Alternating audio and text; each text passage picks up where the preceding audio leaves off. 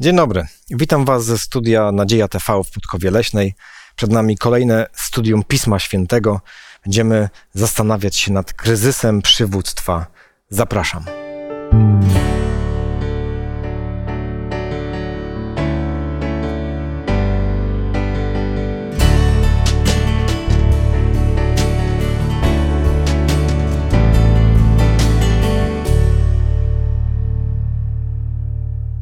Ja jestem Marek, a ze mną w studio jest Mikołaj e, i Mariusz.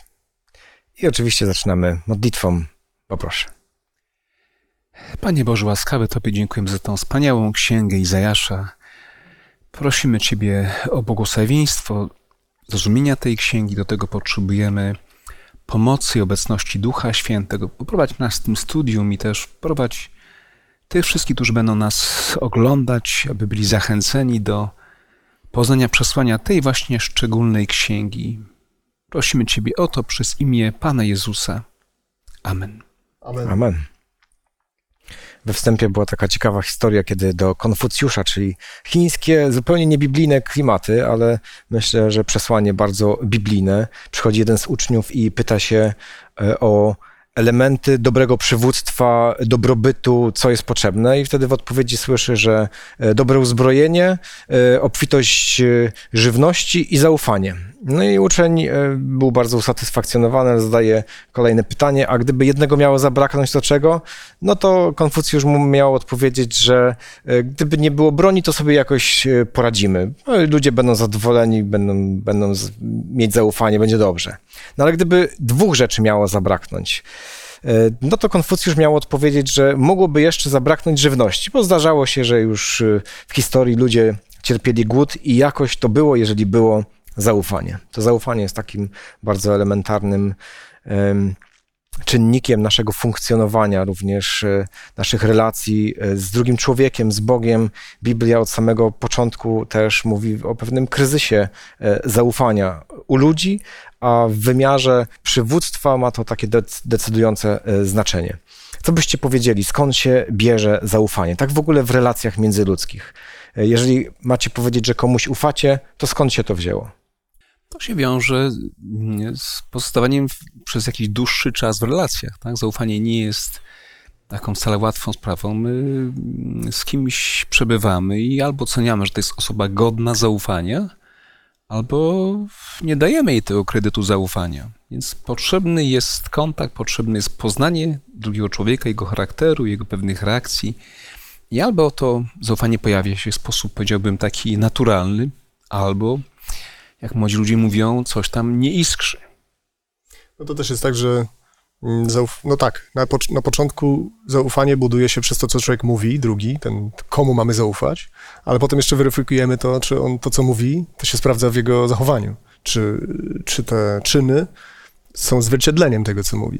Więc rzeczywiście ten proces się kształtuje na tej zasadzie. Potem jeszcze oczywiście dajemy coraz większy kredyt zaufania komuś, kto rzeczywiście jest spójny w tym wszystkim aż do pierwszego momentu, kiedy nie upadnie w taki spektakularny sposób, bo pomylić to się można zawsze, ale jeśli pojawiają się takie rzeczy, które e, są niewytłumaczalne po prostu, takie, których się nie da już usprawiedliwić, no to wtedy to ufanie się natychmiast traci, chociaż budowało się je przez lata. Mhm.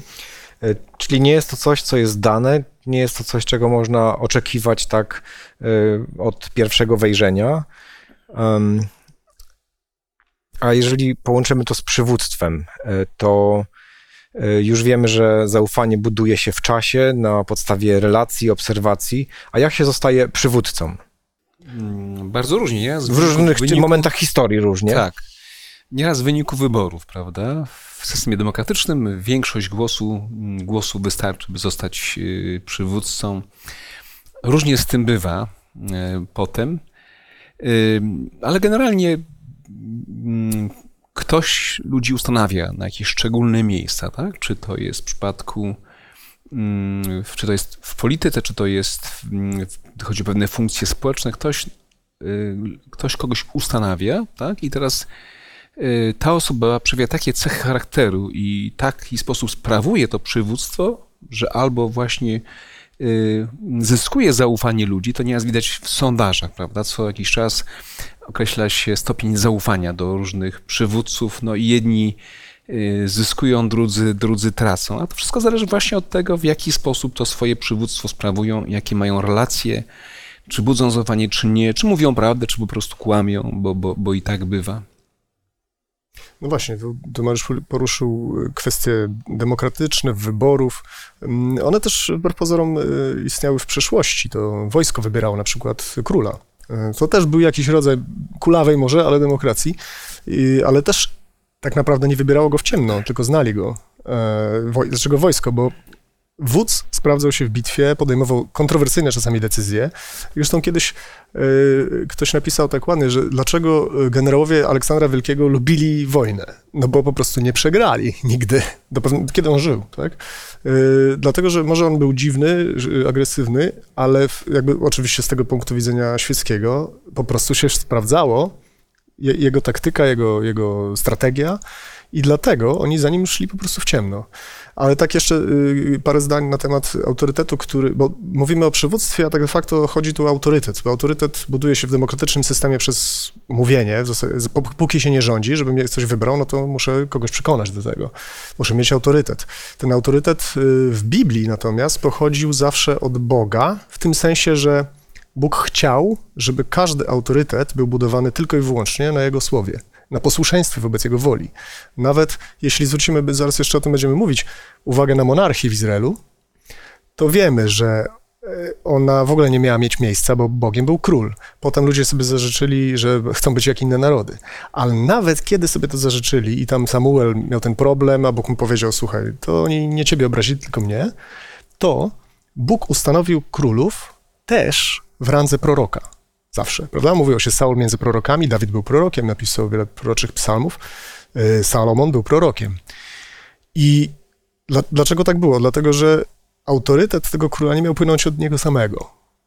To, że ludzie to popsuli i potem już z samego urzędu królewskiego niby rzekomy miał płynąć autorytet, to już był właśnie problem, który się coraz bardziej pogłębiał.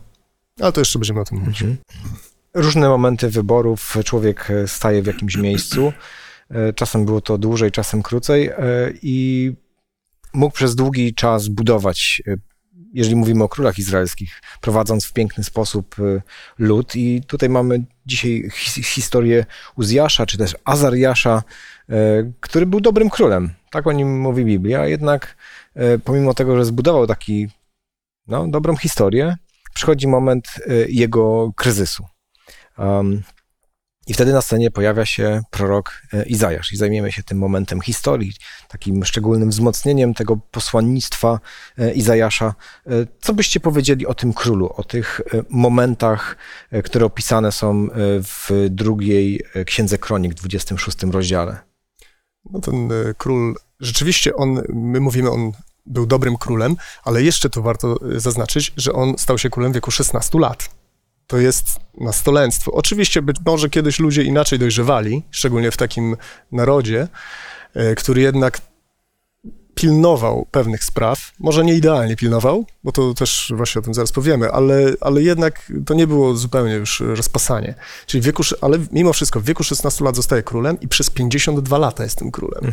I generalnie podsumowując, y, kronikarze pod natchnieniem ducha, no bo Bóg potem wybrał tę księgę i zdecydował, że ona będzie w Biblii, czyli jest natchnionym słowem, jednak podsumowanie ma dobre, że Tak, był, dobry kierunek. tak, że bardzo dobrze, tak jak ojciec, jego ojciec też był dość dobrym królem i wszystko byłoby w zasadzie idealnie, gdyby nie y, tam Biblia zauważa właśnie ten, ten drobny moment, a Bóg nie ma względu na osoby i pomimo tego, że kilkadziesiąt lat służysz Mu, to je, takich jakichś błędów poważnych nie możesz w Jego imieniu popełniać. Czyli właśnie y, to z, złożenie, chęć złożenia ofiary w świątyni, która była bezprawna, tak? I, i zupełnie wypaczała y, i, porządek, który ustanowił Bóg. Tak, tutaj król się porwał na coś, co nie było dla niego, zaraz faktycznie do tego dojdziemy, a jeszcze wcześniej taki e, ciekawy piąty tekst w tym 26 rozdziale. Mariusz, jakbym mógł ciebie prosić.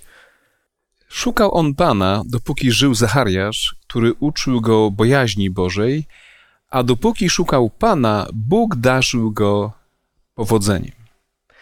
Pojawia się tutaj e, ciekawa postać, e, trochę tajemnicza, e, Zachariasz, który prowadził króla, był jakimś pewnie jego wychowawcą E, No i król wtedy podejmował lepsze decyzje niż później. E, Więc widzimy tutaj e, osobę, która jest jakimś przywódcą, bo może nie jest wśród królów, ale daje tak duży impuls na to, co robi król, że ma to znowu odbicie na cały kraj. Więc jakaś jedna osoba robi różnicę w całym kraju. Jest to Zachariasz. Em, Czasem tak zwracamy uwagę na osoby, które są tam gdzieś bardzo na świeczniku, a nie widzimy tych, tych pomniejszych, które, które robią wielką różnicę. Czy ktoś w waszym życiu był taki. e, Ja na przykład powiem, że moja babcia była dla mnie taką szczególną osobą, e, chociaż nie była adwentystką, ale e, miała jakieś sz- szczególne, miałem u niej względy. Pan Bóg włożył taką miłość w jej serce do mnie, łaskawość i duże to zrobiło na mnie wrażenie. Um, I myślę sobie, że nieraz tak em, pojawić się w czyimś życiu z takim dobrym impulsem, to więcej znaczy niż taki ktoś gdzieś tam ze świecznika przemawiający płomienne mowy. Czy w waszym życiu był ktoś, kto tak zrobił w kuluarach różnicę? No jeśli mówimy o, o osobach z rodziny, to z pewnością to był mój dziadek od strony mamy, który był jedynym abstynentem w rodzinie. To był człowiek, który nie pił alkoholu, nie palił papierosów i był bardzo poba- po, pobożnym człowiekiem niezwykle pracowitym. Pracował fizycznie, ale był niezwykle poświęcony swojej pracy. Wykonywał ją bardzo sumiennie.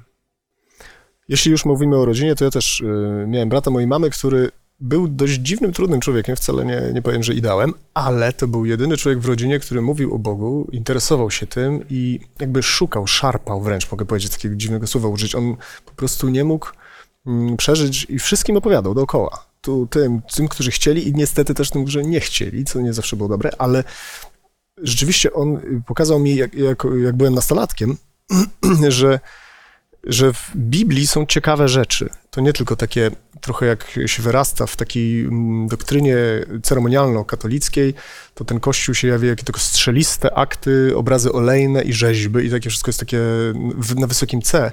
A w, a w Biblii okazuje się jest historia, są ludzie, są żywi ludzie, są charaktery, są jakieś, a przede wszystkim ten plan. I to, i to było wielkim wpływem dla mnie. Mhm. Zrobił różnicę taką w patrzeniu na, na świat, y, na tą duchowość. Ja jeszcze tak bardzo ciepło wspominam e, profesora Leona Maszczaka. Przyjechał tutaj do Podkowy Leśnej e, w czasie, kiedy byłem studentem e, i na wykładach był profesorem, a po wykładach zapraszał wszystkich studentów do siebie do domu, siedzieliśmy, rozmawialiśmy, robił herbatę, otwierał e, serce i lodówkę przed studentami i mówił, ja jestem Leon e, i na zajęciach mówcie mi profesor, ale tu jestem Leon. I takim stał się przyjacielem, nie, dowierzaliśmy, jak to możliwe, e, że można być przyjacielem dla drugiego człowieka, Słyszałem człowiek z taką właśnie- wiedzą, Słyszałem o wielkich ilościach bułek i sera, które z, m, tam były kupowane na te spotkania. Tak, tak. Studenci pochłaniali wielkie ilości, ale to wciąż gdzieś tak zostało w mojej pamięci, że em, można mieć wielką wiedzę, ale jak się jest takim przyjacielem drugiego człowieka, otwiera się właśnie tą również lodówkę, to robi to różnicę. To ja powiem jeszcze a propos tej ciekawej dosyć, dosyć rodziny, bo mój wujek, który wyemigrował do Australii, trafił na Bogdana Maszczaka. I ja wykłady z Księgi Daniela i Objawienia, jako nastolatek katolik, słuchałem z kaset, e, dowiadując się różnych ciekawych rzeczy właśnie na, na temat historii. No i to jest takie wyzwanie, żebyśmy mogli dla kogoś e, być takim e, dobrym drogowskazem i taką zachętą, gdzie nas ktoś pewnego dnia wspomni. E, Można być babcią i dziadkiem w tym, nie, nie trzeba być profesorem. E, I e, no tu pierwszy taki apel, e, mili widzowie, żebyśmy takie podejmowali wyzwania, żeby być takim czasem małym przywódcą gdzieś w domu dla kogoś, kto prowadzi, żebyśmy my prowadzili innych do Bogu, do Boga. E, No dobrze, teraz ten kryzysowy moment, bo zabrakło Zachariasza i król się e, zapędził. W czym się zapędził? No, złożył ofiarę. Wszedł do świątyni, Że chciał, przepraszam, chciał, chciał zapalić ogień e, w świątyni, tak, może nie ofiarę, tylko ogień, czego nie wolno było robić królom, to było zadanie wyłącznie kapłanów. No i co ciekawe, kto był przywódcą? Czy on, który był królem, czy ci, którzy mu się przeciwstawili, narażając się swoje życie? Bo tam była cała grupa, która powiedziała, słuchaj, nie możesz tego zrobić. Mm, To też dobry obrazek, prawda? Wychodzą kapłani i mówią królowi. Jak ktoś królowi się może przeciwstawić? To jest też, myślę, bardzo ważna myśl, że to, że jesteśmy przywódcą, yy, nie znaczy, że, że możemy wszystko, tak? Przywódca ma pewne kompetencje i nie powinien wchodzić w kompetencje innych ludzi. Tutaj to zdarzyło się człowiekowi, który gdzieś tak urósł wysoko w swoich oczach, że wydawało mu się, że zna się na miał co, tak? prawda? i że wszystko potrafi. A jednak, a jednak to nie była jego kompetencja mm, zgodnie z, z wolą Bożą i no, uznano to za poważny błąd, poważne uchybienie, a konsekwencje tego były jeszcze poważniejsze. Mhm. No i jakie były konsekwencje? Co dalej się dzieje? Pokrył się trądem, pokrył się trądem i ten trąd pozostawał na nim aż do końca jego y, już wtedy samotnego czy od, osamotnionego życia, bo musiał, musiał oddalić się, mieszkać samotnie i tak dokończył swojego żywota. Czy byłoby prościej, gdyby Pan Bóg dzisiaj reagował tak bardziej zdecydowanie e, w różnych sytuacjach domowych, kościelnych, e, może również politycznych? No to byłby problem, ponieważ dzisiaj wielu rządzących y, chorowałoby na, na trąd i mielibyśmy problem, nie byłoby tych, którzy mogliby nami rządzić. Ja to tak troszeczkę może żartobliwie, ale no rzeczywiście Bóg dzisiaj, mam wrażenie, że działa nieco inaczej. Zresztą w Biblii też działał inaczej, tylko w wyjątkowych sytuacjach nieraz złe wybory od razu spotkały się z taką gwałtowną reakcją Pana Boga, tak? Tak było w przypadku synów y, Heliego, y, tak było w przypadku buntu chociażby mm, Arona i Miriam, prawda? Więc nieraz pewne sytuacje wymagają takiej mm, gwałtownej reakcji Pana Boga, aby zapobiec szerzeniu się zła na jakąś dużą skalę. A znowu Manases rządził ponad 50 lat i był złym królem i Pan Bóg mu pozwolił. Czy znajdujecie odpowiedź, jak to jest, że No Pan nie, Bóg takie ma różne miary? No, Po, po pierwsze, to też tak y, jeszcze idąc do tej polityki, no, Bóg uznaje rozdział y, Kościoła i państwa, a Izrael nie był y, rozdziałem, tylko był właśnie złączeniem tego, jedyną prawdziwą teokracją w historii świata, kiedy król był, przepraszam, królem był Bóg tak naprawdę, nawet pomimo tego, że rządzili Dawid, Salomon i tak dalej, ideą Boga było, że król jest cały, królem jest Bóg. W związku z tym, ktoś, kto go reprezentował, wyższe standardy musiał reprezentować. I oczywiście, to jest ciekawe pytanie z tym Manasesem, bo Manases też reprezentował Jehowę, ale on, mm, ponieważ stracił już ten autorytet wcześniej, on nie był traktowany, on wiadomo było, lud i wszyscy wierzący ludzie w Izraelu traktowali go jako odstępcę, więc Bóg ym, nie reagował tak jak w przypadku, tak jak Mariusz powiedział, y, Miriam, kiedy pobożni, uczciwi, szczerzy ludzie mogli się zastanawiać, kto, po której stronie jest Bóg, Miriam czy Mojżesza. To Bóg zdecydował. Kiedy, kiedy zakwitnęła laska Arona, też się to stało w sposób jednoznacznie, y, y, też ukazano, gdzie jest autorytet Boży. Kiedy Koran i, i się zapadli pod ziemię, też pokazano, żeby lud nie miał wątpliwości. Kiedy y, na przykład w czasach nowotestamentowych zginął Matko, zapomniałem teraz. jak Ananiasz i Safira. Ananiasz i Safira, dokładnie. No to przecież też Bóg pokazał, słuchajcie, to są poważne sprawy, wy się dotykacie teraz naprawdę poważnych rzeczy. Ale w czasach Manasesa przecież cały naród poszedł w złym kierunku, E, a jednak Pan Bóg pozwolił, żeby to jakoś tak trwało. E, Czy, czy ma to ścisły związek przywódca i lud? E, Czy jak widzimy w historii Izraela przywódców, którzy dają zły przykład, to cały lud od razu dryfuje w złą stronę? To jest reguła, czy niekoniecznie? Tak jest najczęściej, tak jest najczęściej. Jest nawet takie powiedzenie, że ryba psuje się od głowy. Tak i widzimy, że przywódcy zarażają złym przykładem y, swoich, swoich poddanych, tym, którym y, służą. Ale bywało tak w historii i świętej, i świeckiej, że nieraz był, byli królowie źli, nawet czasami niepełni rozumu, prawda? A mimo wszystko y, ludzie nie szli za ich, za ich przykładem. Więc, ale mówię, najczęściej mm, to wynika jakby z autorytetu, prawda? Że ludzie podążają za przykładem a swoich przywódców. I Jeżeli przywódcy tak robią, coś tam robią, no to, to my też. E, No i właśnie wtedy na scenie pojawia się Izajasz. Właśnie ze względu na taką sytuację, która zaczyna odbiegać od normalności, Pan Bóg wtedy zaczyna reagować. E, No i otwieramy Księgę Izajasza, Izajasz kim był tak w dwóch słowach, z jakiego pochodził e, rodu, domu, tak żeby nam się to dobrze utrwaliło? W, w, w prorokach i królach jest napisane, że z linii królewskiej on pochodził. Mhm, on, on był tak. z, z, z arystokracji Izraela. tak Był spowinowacony z królem, Mhm. tak jest. Wykształcony dobrze. E, No to tym bardziej trudno stanąć e, w, w obliczu króla, mojego pobratymka i powiedzieć mu, że coś jest nie tak. E, No to jesteśmy w szóstym rozdziale Księgi Izajasza i tam pierwsze cztery teksty. No może teraz ty, Mikołaju. Mhm. Będę czytał y, Księgę Izajasza, szósty rozdział, pierwsze cztery wiersze w przekładzie uspółcześnionej Biblii Gdańskiej. W roku, w którym umarł król Uzjasz, widziałem Pana, siedzącego na wysokim i wyniosłym tronie, a tren jego szaty wypełnił świątynię. Serafiny stały ponad nim, a każdy z nich miał po sześć skrzydeł, dwoma zakrywał swoją twarz, dwoma przykrywał swoje nogi, a dwoma latał. I wołał jeden do drugiego: Święty, święty, święty, Pan zastępów. Cała ziemia jest pełna jego chwały. I filary drzwi poruszyły się od głosu wołającego, a dom napełnił się dymem. To wciąż jeszcze były dobre czasy dla Izraela, ale niebezpieczeństwo już y, pojawiało się na horyzoncie y, i Pan Bóg objawia się Izajaszowi. Y, Jakie to są okoliczności? W jakim miejscu się pojawia Bóg? Z- Izajasz stał przy krużganku świątyni i zastanawiał się, też, też jest napisane w prorokach i królach nad Izraelem, bo sprawy wymknęły się trochę spod kontroli. To też nie jest tak, że on był jedynym prorokiem wtedy. Jak czytamy księgę Amosa, on był w tych, to nie był ojciec Izajasza, on też w tych czasach prorokował. Księgę Ozeasza zdaje się też, y, zaczyna się od tego, że on prorokował w latach królów i tam jest wymieniony Uzjasz. Więc to jeszcze była dodatkowa rzecz, że Izajasz został do specjalnego dzieła przeznaczony.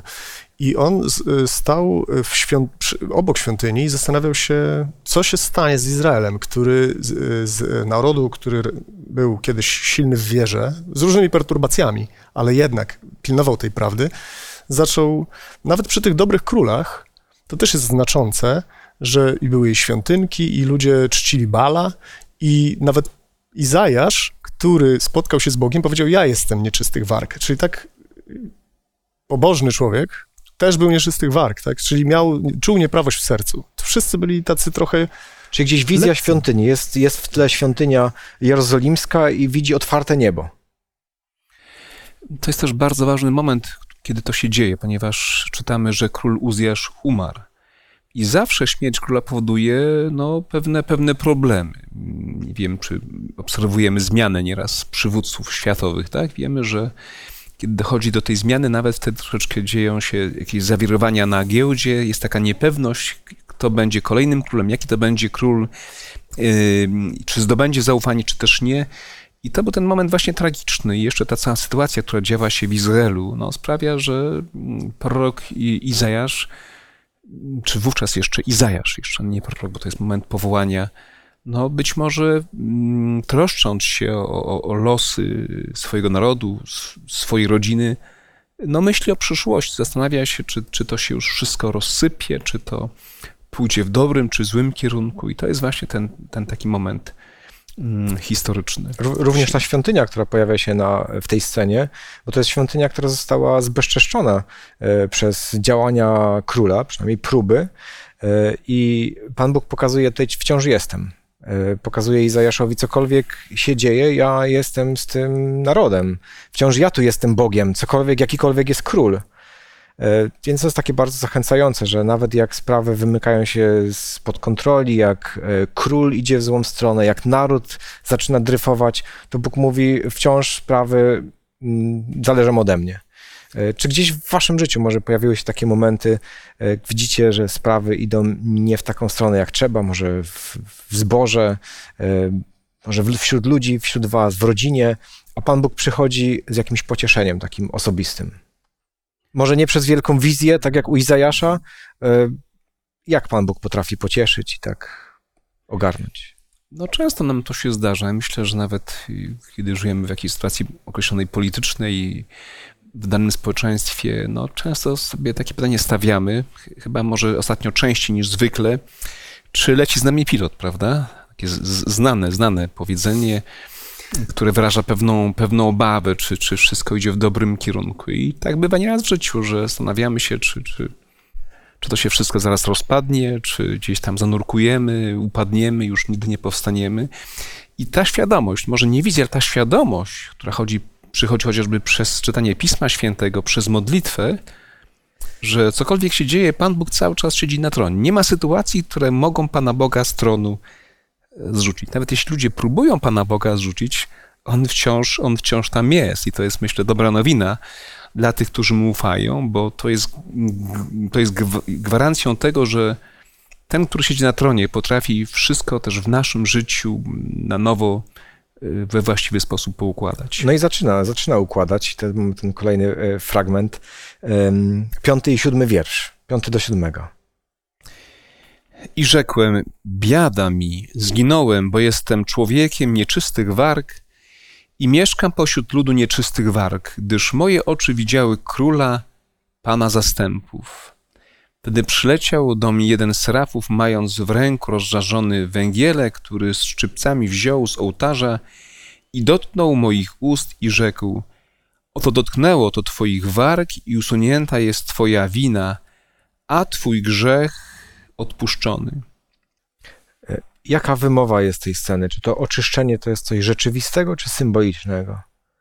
No, z pewnością jest to rzeczywiste, bo symbole biblijne nie są symbolami tylko z, zrobionymi z um, pyłu i z mgły, tylko one jakby odzwierciedlają rzeczywistość.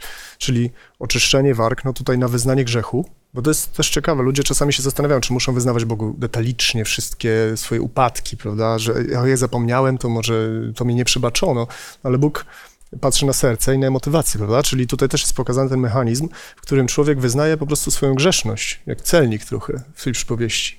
Mówi, panie, przebacz mi, jestem grzesz, grzesznikiem. I to już wystarcza Bogu, który tylko na to czeka tak naprawdę, żeby jakby oczyścić człowieka, bo to tutaj taka słuszna jest uwaga w lekcji, że to nie chodzi tylko, że jakiś, to nieczystość wymowy czy też jakieś, nie wiem, przekleństwa z ust padały. No nie, to chodzi o nieczysty. To Chrystus powiedział, że wszelka nieczystość pochodzi z serca, nie z brudnych rąk, a serce mm, e, przekłada się na to, co mówimy. Więc Izajasz został oczyszczony po to, żeby mógł właśnie reprezentować Boga, nie tylko przed tamtym Izraelem, ale przed dzisiejszym, bo Księga Izajasza, to też warto e, powiedzieć, jest księgą, która sięga po koniec czasu. Tam jest ponad 40 razy wymienione w owym dniu, odnoszącym się do końca świata. Więc ja stawiam tezę, że jest to księga dla Adwentystów Dnia Siódmego, napisana dla nich, dla nas. Mhm. Um, czy to oczyszczenie węgielkiem z ołtarza brzmi tak bardzo, e, no właśnie symbolicznie. Czy to coś znaczy? Jesteśmy to w stanie jakoś przełożyć na nasze czasy? Wiadomo, że ołtarz jest, był symbolem ofiar, tak? Tego, co się działo. Ofiary były składane po to, aby grzechy były przybaczone. Więc jeśli to przeniesiemy na rzeczywistość Nowego Testamentu, to myślimy o ofierze Jezusa Chrystusa i stamtąd płynie oczyszczenie. Yy, no, ten znany tekst, który mówi, że krew Pana Jezusa nas oczyszcza od wszelkich grzechów, więc jesteśmy też oczyszczeni dzięki temu właśnie węgielkowi z ołtarza, tak? Dzięki temu, co, co stało się na krzyżu Golgoty, więc y, oczyszczenie jest dziełem, dziełem Boga w naszych sercach. To nie jest nasz wysiłek, to nie jest nasza próba stania się pewnego dnia lepszymi ludźmi. Ale jeszcze jedna rzecz mi się wydaje warta podkreślenia, że to oczyszczenie nie ma służyć nam, tylko służyć innym. Bo oczyszczenie nie odbywa się na zasadzie, o jesteś biedny Izajaszu, to ja cię oczyszczę, do widzenia. Już koniec, następny w kolejce. Tylko chodzi o to, że oczyszczenie następuje, a po nim następuje pytanie, kto jeszcze pójdzie i powie o tym, co się tu stało i jakby tej zasadzie, która rządzi, przyjdziesz do Boga, wyznasz grzech, zostaniesz oczyszczony. Kto pójdzie i o tym opowie? No i Izajasz oczywiście od razu mówi, że on. Mhm. Jakby, czyli jest to jakby te, też y, symbol, który miał miejsce faktycznie, dla każdego z nas, który poczuł to, pytałeś się wcześniej o, o ten, ja oczywiście jako stałem się adwentystą, zacząłem chodzić do zboru, ale jeszcze nie byłem ochrzczony przez długi czas, czym wiesz, bo mnie namawiałeś często do tego, prawda? I w tym czasie, pomiędzy tymi dwoma wydarzeniami, czyli przyjściem do zboru a chrztem, zdarzały się upadki, takie zawody i wtedy słyszałem w, w, swoich, w swoim umyśle, nie że głos, tylko myśl, która mówi, raz Bóg rzekł, ale dwa razy to usłyszałem Spokojnie. Znaczy, to nie jest dobry, ten stan, ale ni nigdy nie pozwól, żeby on, mm, jakby nie zgódź się na niego. Nie zgódź się na stan upadku. Po prostu y, moc należy do Boga. Tak się kończy ten cytat. Moc hmm. należy do Boga. Ja jeszcze spróbuję porównać y, to powołanie proroka Izajasza do innych powołań, jakie mamy na kartach Pisma Świętego. Zauważcie, zawsze jest ten sam mechanizm. Kiedy człowiek staje w obecności Pana Boga, to ma poczucie własnej niegodności, własnej słabości, tak? Y, Kiedy, mm, kiedy Mojżesz stał przed obliczem Pana Boga, wiemy, że nawet y, musiał zdjąć obuwie, bo stał na tej ziemi świętej, ziemi świętej poprzez obecność Boga i też czuje swoją nieprzydatność. Panie Boże, wszyscy, ale nie ja, bo Ty wiesz, że ja mam problem, ja mam, mam ciężki język.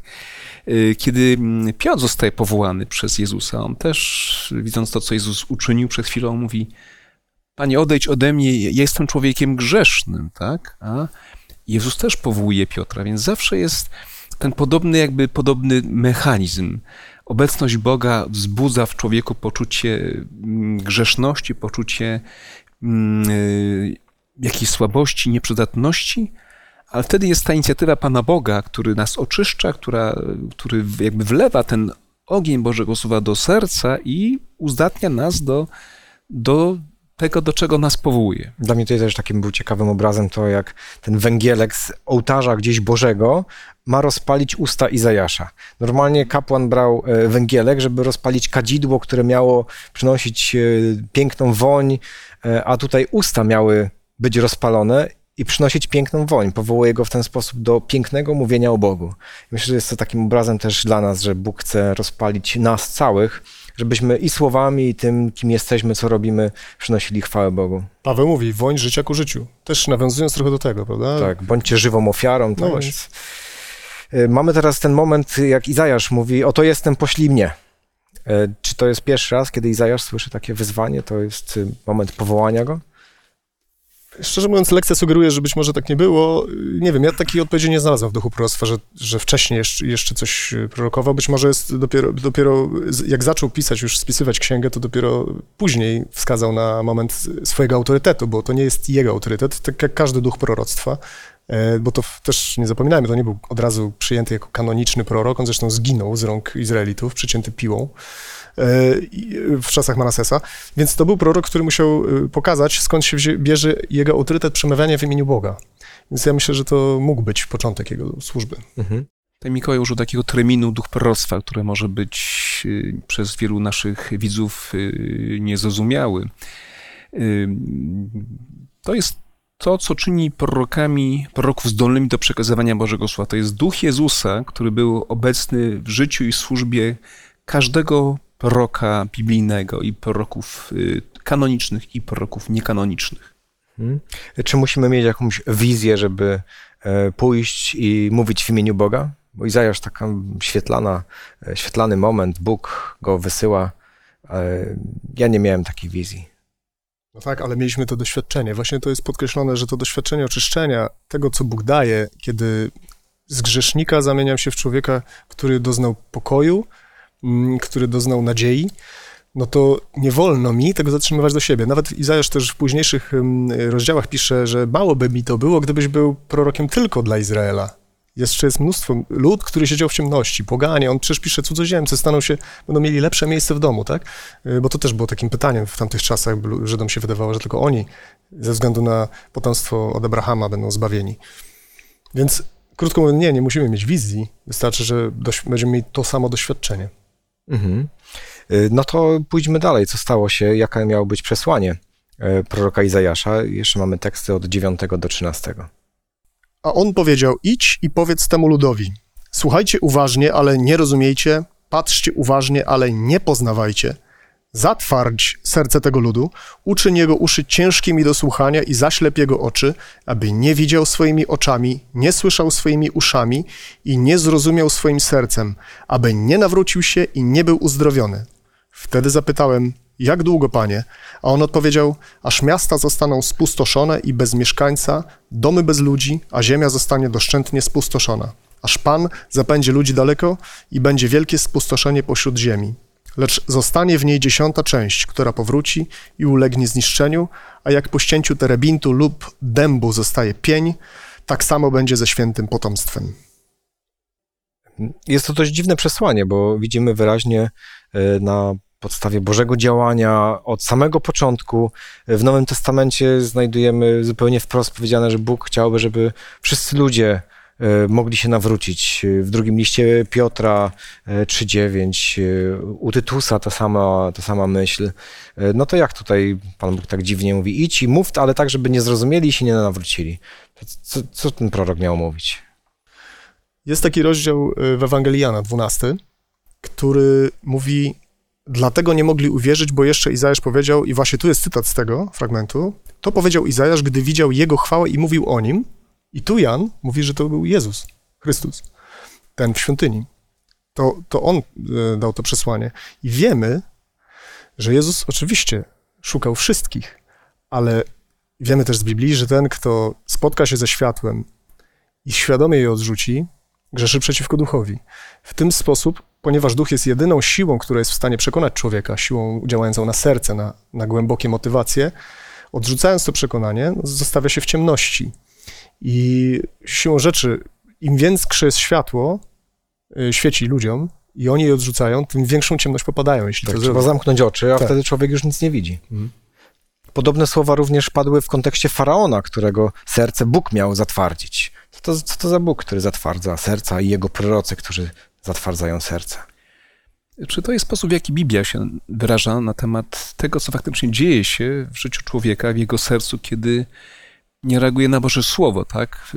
To nie Bóg zatwardza serca, to człowiek zatwardza serce, ale często to zatwardzenie serca jest y, wynikiem pewnej złej reakcji, niewłaściwej reakcji na, na Boże Słowo. Bóg mówi, tak? Tak w przypadku było Faraona, Bóg, Bóg mówił, przekazywał konkretne poselstwa, a ponieważ mm, Faraon tego nie przyjmował, y, efektem było, było, była zatwardziałość serca. A więc w jakim sensie Bóg przez to, że przemawiał, że mówił, sprawiał, że Faraon zatwardzał swoje serce. I podobnie działalność proroku, działalność proroka Izajasza. On będzie mówił, a ponieważ ludzie nie będą przyjmowali tych słów, będą zatwardzali swoje serca. Więc y, to jest taki właśnie sposób wyrażania się mm, mm, o tym, co całkowicie leży jednak po stronie człowieka. Wina jest zawsze po stronie człowieka, nie po stronie Pana Boga. Jedną krótką rzecz.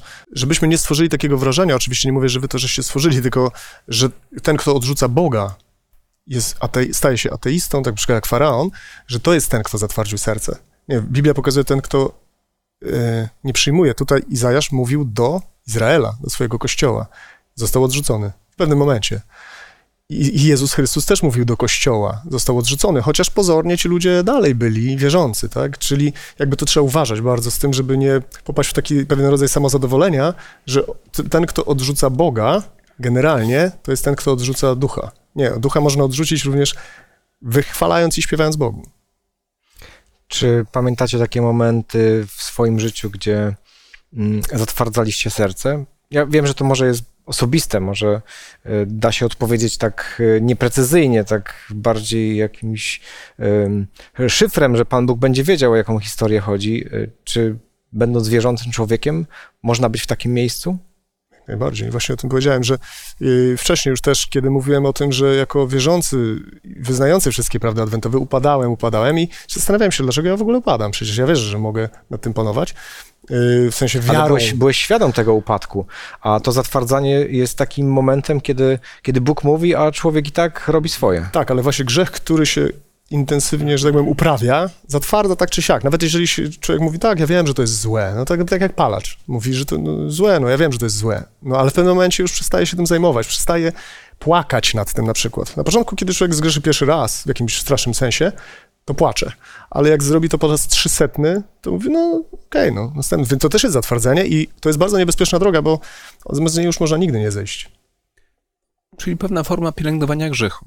Tak? Kiedy my na coś godzimy się, na początku widzimy to bardzo ostro, dzięki temu, że Pan Bóg działa na nasze serce, a ponieważ nic z tym nie zrobimy, mm, powtarzamy to kolejny, kolejny raz i w końcu mówimy, to nie jest takie złe, szukamy pewnych usprawiedliwień i w naszych oczach jesteśmy przed Panem Bogiem w porządku, za wyjątkiem tej jednej, ale to jest zupełnie drobna, marginalna sprawa i Pan Bóg nie jest tak drobiazgowy zwykle w takich sytuacjach.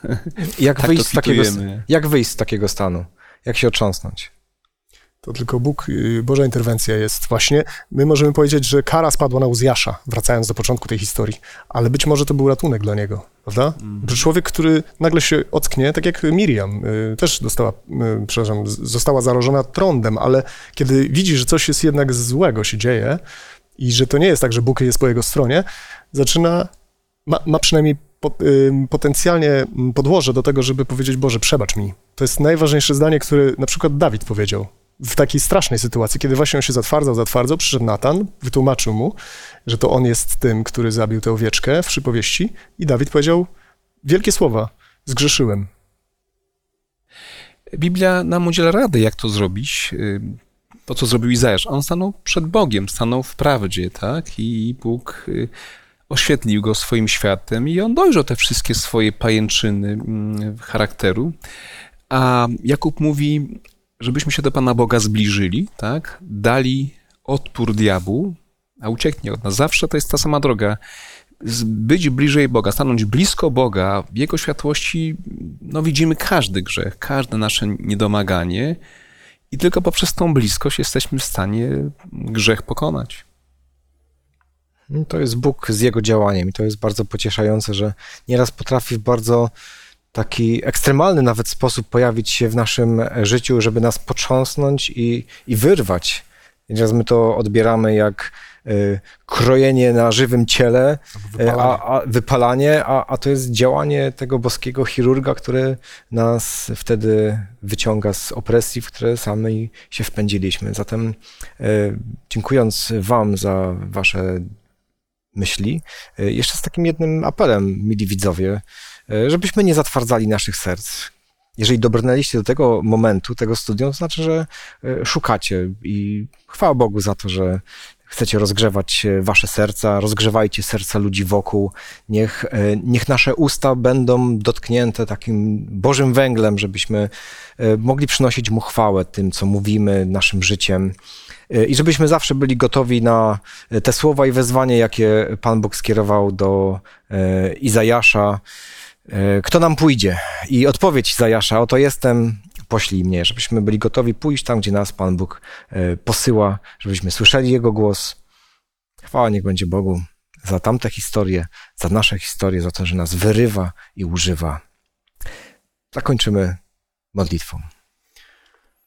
Drogi Ojcze, Panie nasz i Zbawicielu, stwór, Stwórco nasz, dziękujemy Ci za słowo prawdy, które jest tak żywe, że dotyka do, do głębi. Prosimy Cię, żeby to studium, ale każde też inne, które jest pod wpływem Ducha Twego, było dla nas żywą lekcją, ogniem, który nas pali, wypala wszystkie, wszystko to, co jest ludzkie, zostawiając charakter tego, który zmarł za nas i Jego chwałę w nas, aby to ona świeciła i by ludzie nie chwalili nas, ale Jego, kiedy objawia się w nas. Prosimy Cię o to dla nas tu zebranych i za wszystkich tych, którzy oglądając to studium yy, postanawiają coś w swoim sercu. Bądź uwielbiony i wywyższony nie tylko naszymi wargami, ale naszych czynach. W Chrystusa imieniu. Amen. Amen. Jeszcze raz dziękując za Wasz udział, również Wam, mili widzowie, pozostaje mi zaprosić Was e, za tydzień na kolejne studium, kiedy będziemy chcieli spojrzeć na historię Izajasza, kiedy świat rozpada się w kawałki. Ten jego i również ten nasz. Do zobaczenia z Bogiem.